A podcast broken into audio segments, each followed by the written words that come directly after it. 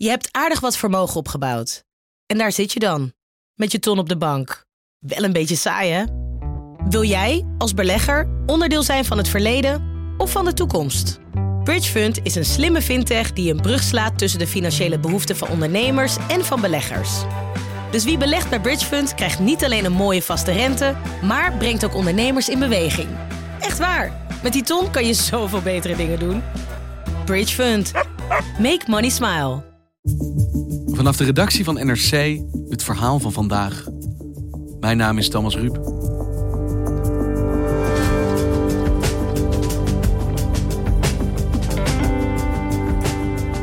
Er zijn in Nederland nog altijd te weinig mondkapjes. En dat is een probleem. Voor de aanvoer zijn we afhankelijk van China. En we concurreren daarbij met zo'n beetje alle landen ter wereld. Lukt ons dat ook? Houdt Nederland zich staande op deze keiharde, overspannen vechtmarkt?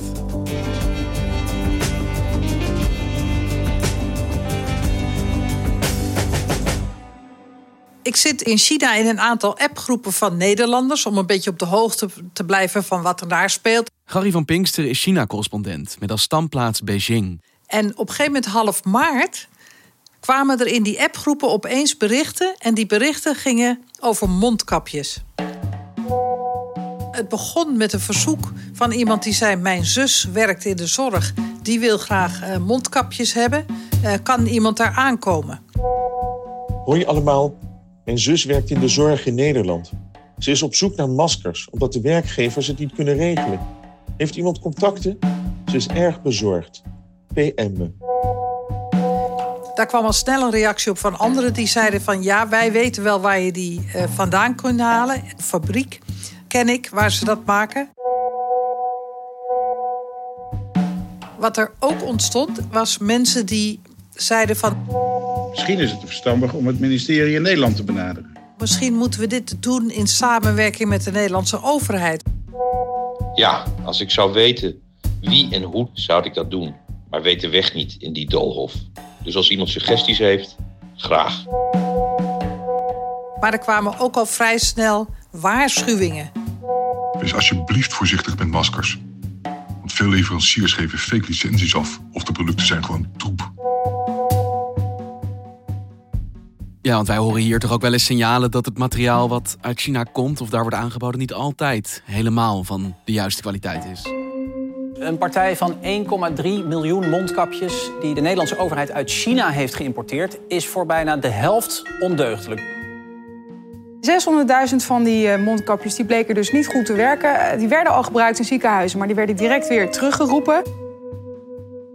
En wat mij verbaasde, is dat het vaker van slechte kwaliteit is dan dat je zou denken. En wat ben jij gaan doen, Gary, op het moment dat jouw appgroep veranderde in een soort geïmproviseerde mondkapjesmarktplaats? Ik ben uh, gaan bellen met die mensen die daarop vragen stelden of die daarop zeiden: ik kan iets aanbieden. Want ik was heel benieuwd uh, wat zij dan deden en wat zij wisten ook van die markt.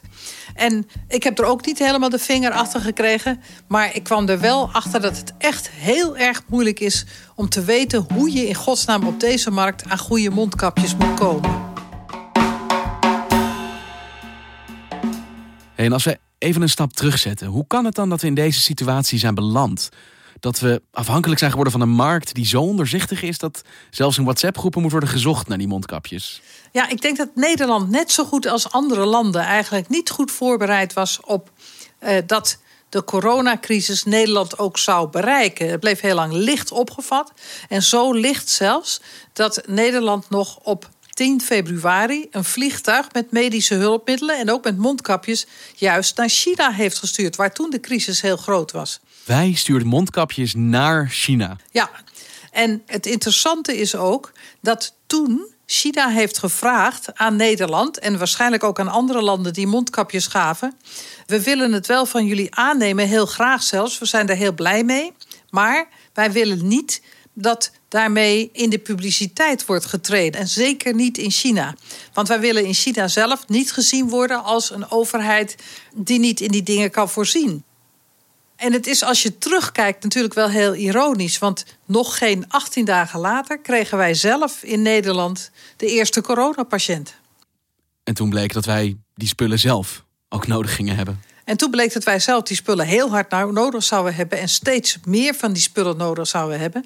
En dat we die wilden gaan inkopen op het moment dat de hele wereld die ook probeerde in te kopen. Objectif trouver un masque de protection efficace contre le coronavirus à Paris. Die örtliche Apotheke ist gut besucht. Immer wieder wird nach Masken zum Schutz vor dem Coronavirus gefragt. En hoe probeerden we zelf weer aan mondkapjes te komen?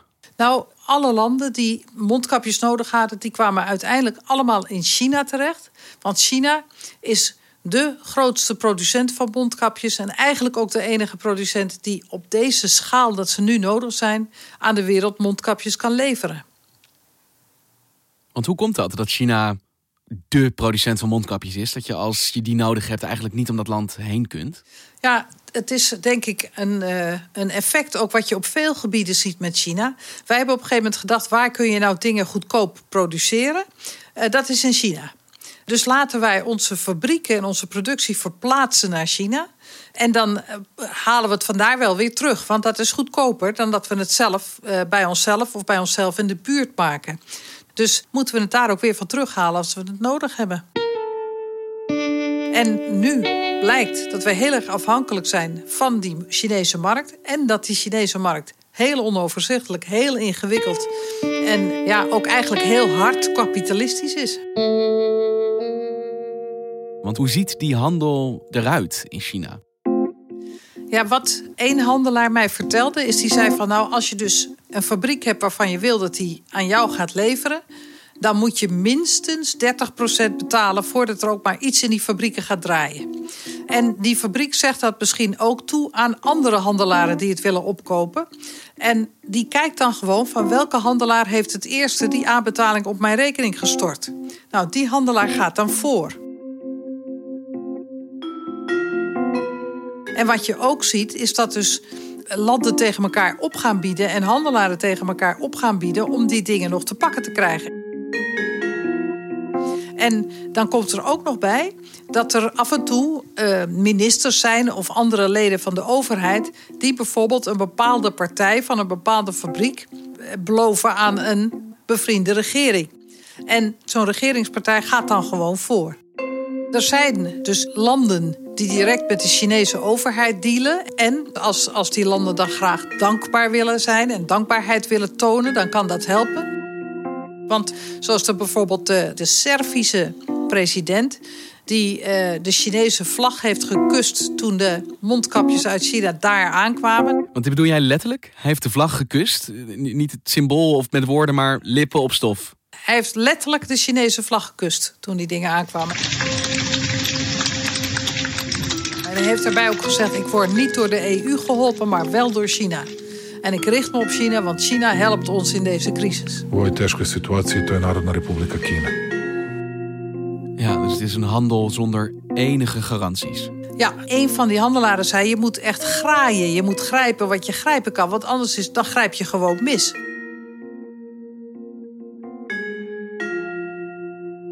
Met alles wat China hier produceert, met al die verschillende fabrieken en producenten en handelaren, is dat genoeg voor de hele wereld? Of verdringen alle landen zich nu eigenlijk om een schaarste aan mondkapjes?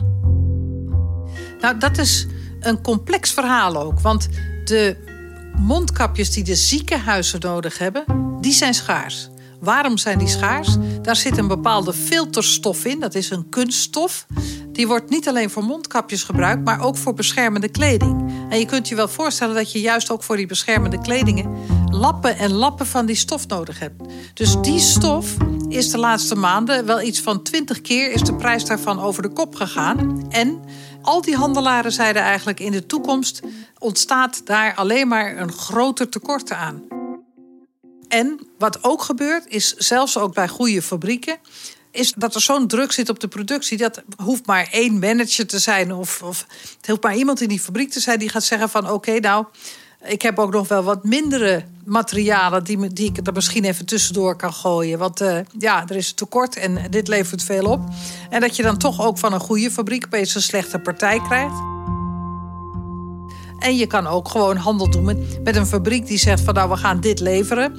Maar die maken dat niet eens zelf. Die hebben dat zelf ook alweer uitbesteed aan allerlei soorten van onderaannemertjes die dat dan gaan maken. En waarvan de kwaliteit misschien niet goed is. Maar het zijn eigenlijk de normale regels van de handel. Zoals het al jaren wordt bedreven. Gedeeltelijk op basis van vertrouwen. Je betaalt nalevering of een gedeelte van tevoren. Dat is allemaal opgeschort hier. In die strijd om die mondkapjes. Ja, dat is allemaal, die markt is zo onder spanning komen te staan, dat is opgeschort.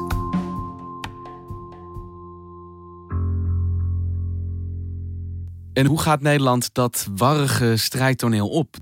Nederland is daar iets aarzelender in. En ik hoorde ook wel dat het vrij lang geduurd heeft voordat dan alle betrokken partijen in Nederland het erover eens waren hoe ze dat zouden gaan doen en, en hoe, ze, ja, hoe ze die mondkapjes zouden gaan inkopen. Alles moest worden overlegd. Alles moest in overleg, alles moest een beetje gepolderd. We hebben in Nederland natuurlijk ook geen uh, ziekenfonds meer. Dus we hebben niet een centraal inkoopapparaat of iets dergelijks. Dus dat moest allemaal nog opgezet worden. En, en hoe doe je dat dan? En wie mag meedoen? En wie heb je daarbij nodig? Dat heeft allemaal wel de nodige voeten in de aarde gehad voordat dat stond. Eén handelaar vertelde mij dat hij het moeilijk vindt, bijvoorbeeld om met Nederland uh, voor de Nederlandse overheid in te kopen, omdat de Nederlandse overheid niet alles van tevoren wil betalen. Terwijl de Britten, zei hij, die hebben gewoon tegen mij gezegd: wij vertrouwen jou, wij storten jouw bankrekening vol en dan moet jij maar met jouw verstand van zaken zo goed mogelijk inkopen. Dat doet Nederland, wat ik ervan gehoord heb, niet. Maar ook Nederland en de Nederlandse overheid schuift op dat ook Nederland erachter komt dat je anders niet aan die mondkapjes komt. Want jij zei snelheid is hier heel belangrijk. Je moet meteen geld overmaken, alleen dan heb je kans op een zending. En jij zegt dus eigenlijk in Nederland werd nog steeds gepolderd. Ja, dat klopt. Nederland is natuurlijk een bepaalde manier een keurig land. En wilde aanvankelijk ook niet zo erg aannemen dat die markt op deze manier zo'n vechtmarkt was. En dat als je er iets wil kopen, dat je op die manier moet handelen. Want heeft dat er ook voor gezorgd dat Nederland aanvankelijk achter het net viste en niet aan mondkapjes kwam waar andere landen dat wel lukte? Nou, ik denk dat het Nederland gelukkig bespaard is gebleven dat er echt hele grote tekorten ontstonden. Maar het is wel zo geweest dat bijvoorbeeld de Nederlandse verzorgingshuizen heel moeilijk aan, aan dit soort zaken kwamen. En dat er dus ook handelaren hier waren die zich speciaal op die verzorgingshuizen gingen richten. Zodat die verzorgingshuizen zelf direct van die handelaren toch de zaken die ze nodig hadden konden bestellen. Dat hebben ziekenhuizen ten dele ook gedaan. Hè? Dat ze zeiden van ja, we krijgen van die centrale inkoop krijgen we sowieso te weinig. Dus we moeten ook andere kanalen vinden. Dus die gaan dan ook weer op hun manier eigenlijk nog weer bijdragen aan de Wildwestmarkt. Maar Nederland leek dus wel enigszins te leren van het aanvankelijke aarzelende optreden. Je moet hier je anders gedragen op deze markt. Wil je ook maar een klein beetje succes hebben? Ja, Nederland is daar wel uh, proactiever in geworden. Uh, heeft er ook wel hard aan getrokken om dat voor elkaar te krijgen. Op, dacht ik, 24 maart hebben ze een uh, landelijk consortium hulpmiddelen ingericht. En dat consortium is zich gaan richten op een centrale Nederlandse aankoop van medische hulpmiddelen. Niet alleen in China, maar ook in andere landen. Er zijn vluchten gekomen die de spullen die dat consortium in wist te kopen in China, met speciale directe vluchten vanuit Shanghai en ook van Peking, rechtstreeks naar Nederland te brengen. Dus het lukt ze toch vrij aardig nu om wel die stroom op gang te houden. En hoe kijkt de Nederlandse overheid zelf naar die eigen strategie? Wat ik hoorde van de ambassade hier is dat ze zeiden van nou wat wij niet gedaan hebben is grote ceremonies gehouden waarin we uitgebreid de Chinezen bedankten voor hun ofwel hun gaven ofwel hun leveranties aan Nederland. Dus zo'n ceremonie, daar, daar voelen wij eigenlijk niet voor. Maar het interessante is bijvoorbeeld dat uh, minister Van Rijn wel op het vliegveld stond om de mondkapjes aan te pakken die Huawei aan Nederland heeft geschonken. In deze coronacrisis is er eindelijk ook een lichtpuntje. Want de Chinese telecomgigant Huawei heeft 800.000 mondkapjes beschikbaar gesteld. En vandaag kwam de eerste lading van 200.000 mondkapjes aan hier bij het Erasmus Medisch Centrum. En die lading werd in ontvangst genomen door minister Hugo de Jonge. En dat is natuurlijk voor Huawei, die heel graag het 5G-netwerk in Nederland aanlegt en die daar in heel Europa een strijd over voert publicitair succes. Dit is een belangrijke gift. Een gift van uh, Huawei uh, uit China. En ja, we grijpen natuurlijk alles aan deze dagen om te zorgen dat we aan voldoende spullen komen. Dit is, dit is fantastisch, dit komt heel goed uit. Al zit er natuurlijk nog wel wat ruimte tussen persoonlijk een zending in ontvangst nemen en de Chinese vlag Ja, er zijn zeker gradaties. Maar het is wel interessant als manier van denken. En ik denk dat die manier van denken van voor wat hoort wat. En wij hebben in China iets te bieden wat jullie graag willen hebben. En wij willen daar iets voor terug. Uh, dat die wel ook wijder verbreid is. En dat lukt ook aardig, want ik denk dat iedereen weet dat er Chinese artsen naar Italië zijn gegaan, naar Spanje, dat China daar heeft geholpen. Terwijl dus inderdaad omgekeerd niemand weet dat Nederland en Duitsland en Europese landen dat omgekeerd aanvankelijk ook voor China hebben gedaan toen hier de nood hoog was. En ik denk dat dat de grote les is van dit hele verhaal. Hè? Dat je. Uh, ja, dat het dat het veel ingewikkelder in elkaar zit dan alleen zeggen... nou, daar en daar kunnen ze het goedkoopste maken. Dat lijkt handig en goedkoop voor de Nederlandse overheid... maar uiteindelijk maak je je enorm afhankelijk. Ja, en dan klinkt het dus eigenlijk alsof je als land twee opties hebt. Of je begeeft je op die markt, die chaos... en je gaat betalen, betalen in de hoop dat je uiteindelijk iets terugkrijgt van goede kwaliteit... of je voegt je naar de pijpen van China en ja, gaat je politiek dankbaar en voorzichtig opstellen, omdat er wel eens eh, de kraan zou kunnen worden dichtgedraaid anders? Nou ja, ik denk wel dat dat twee belangrijke uh, keuzes zijn, inderdaad, op dit moment. Dat is eigenlijk kiezen tussen twee kwaaien, dus het is geen erg aantrekkelijk perspectief.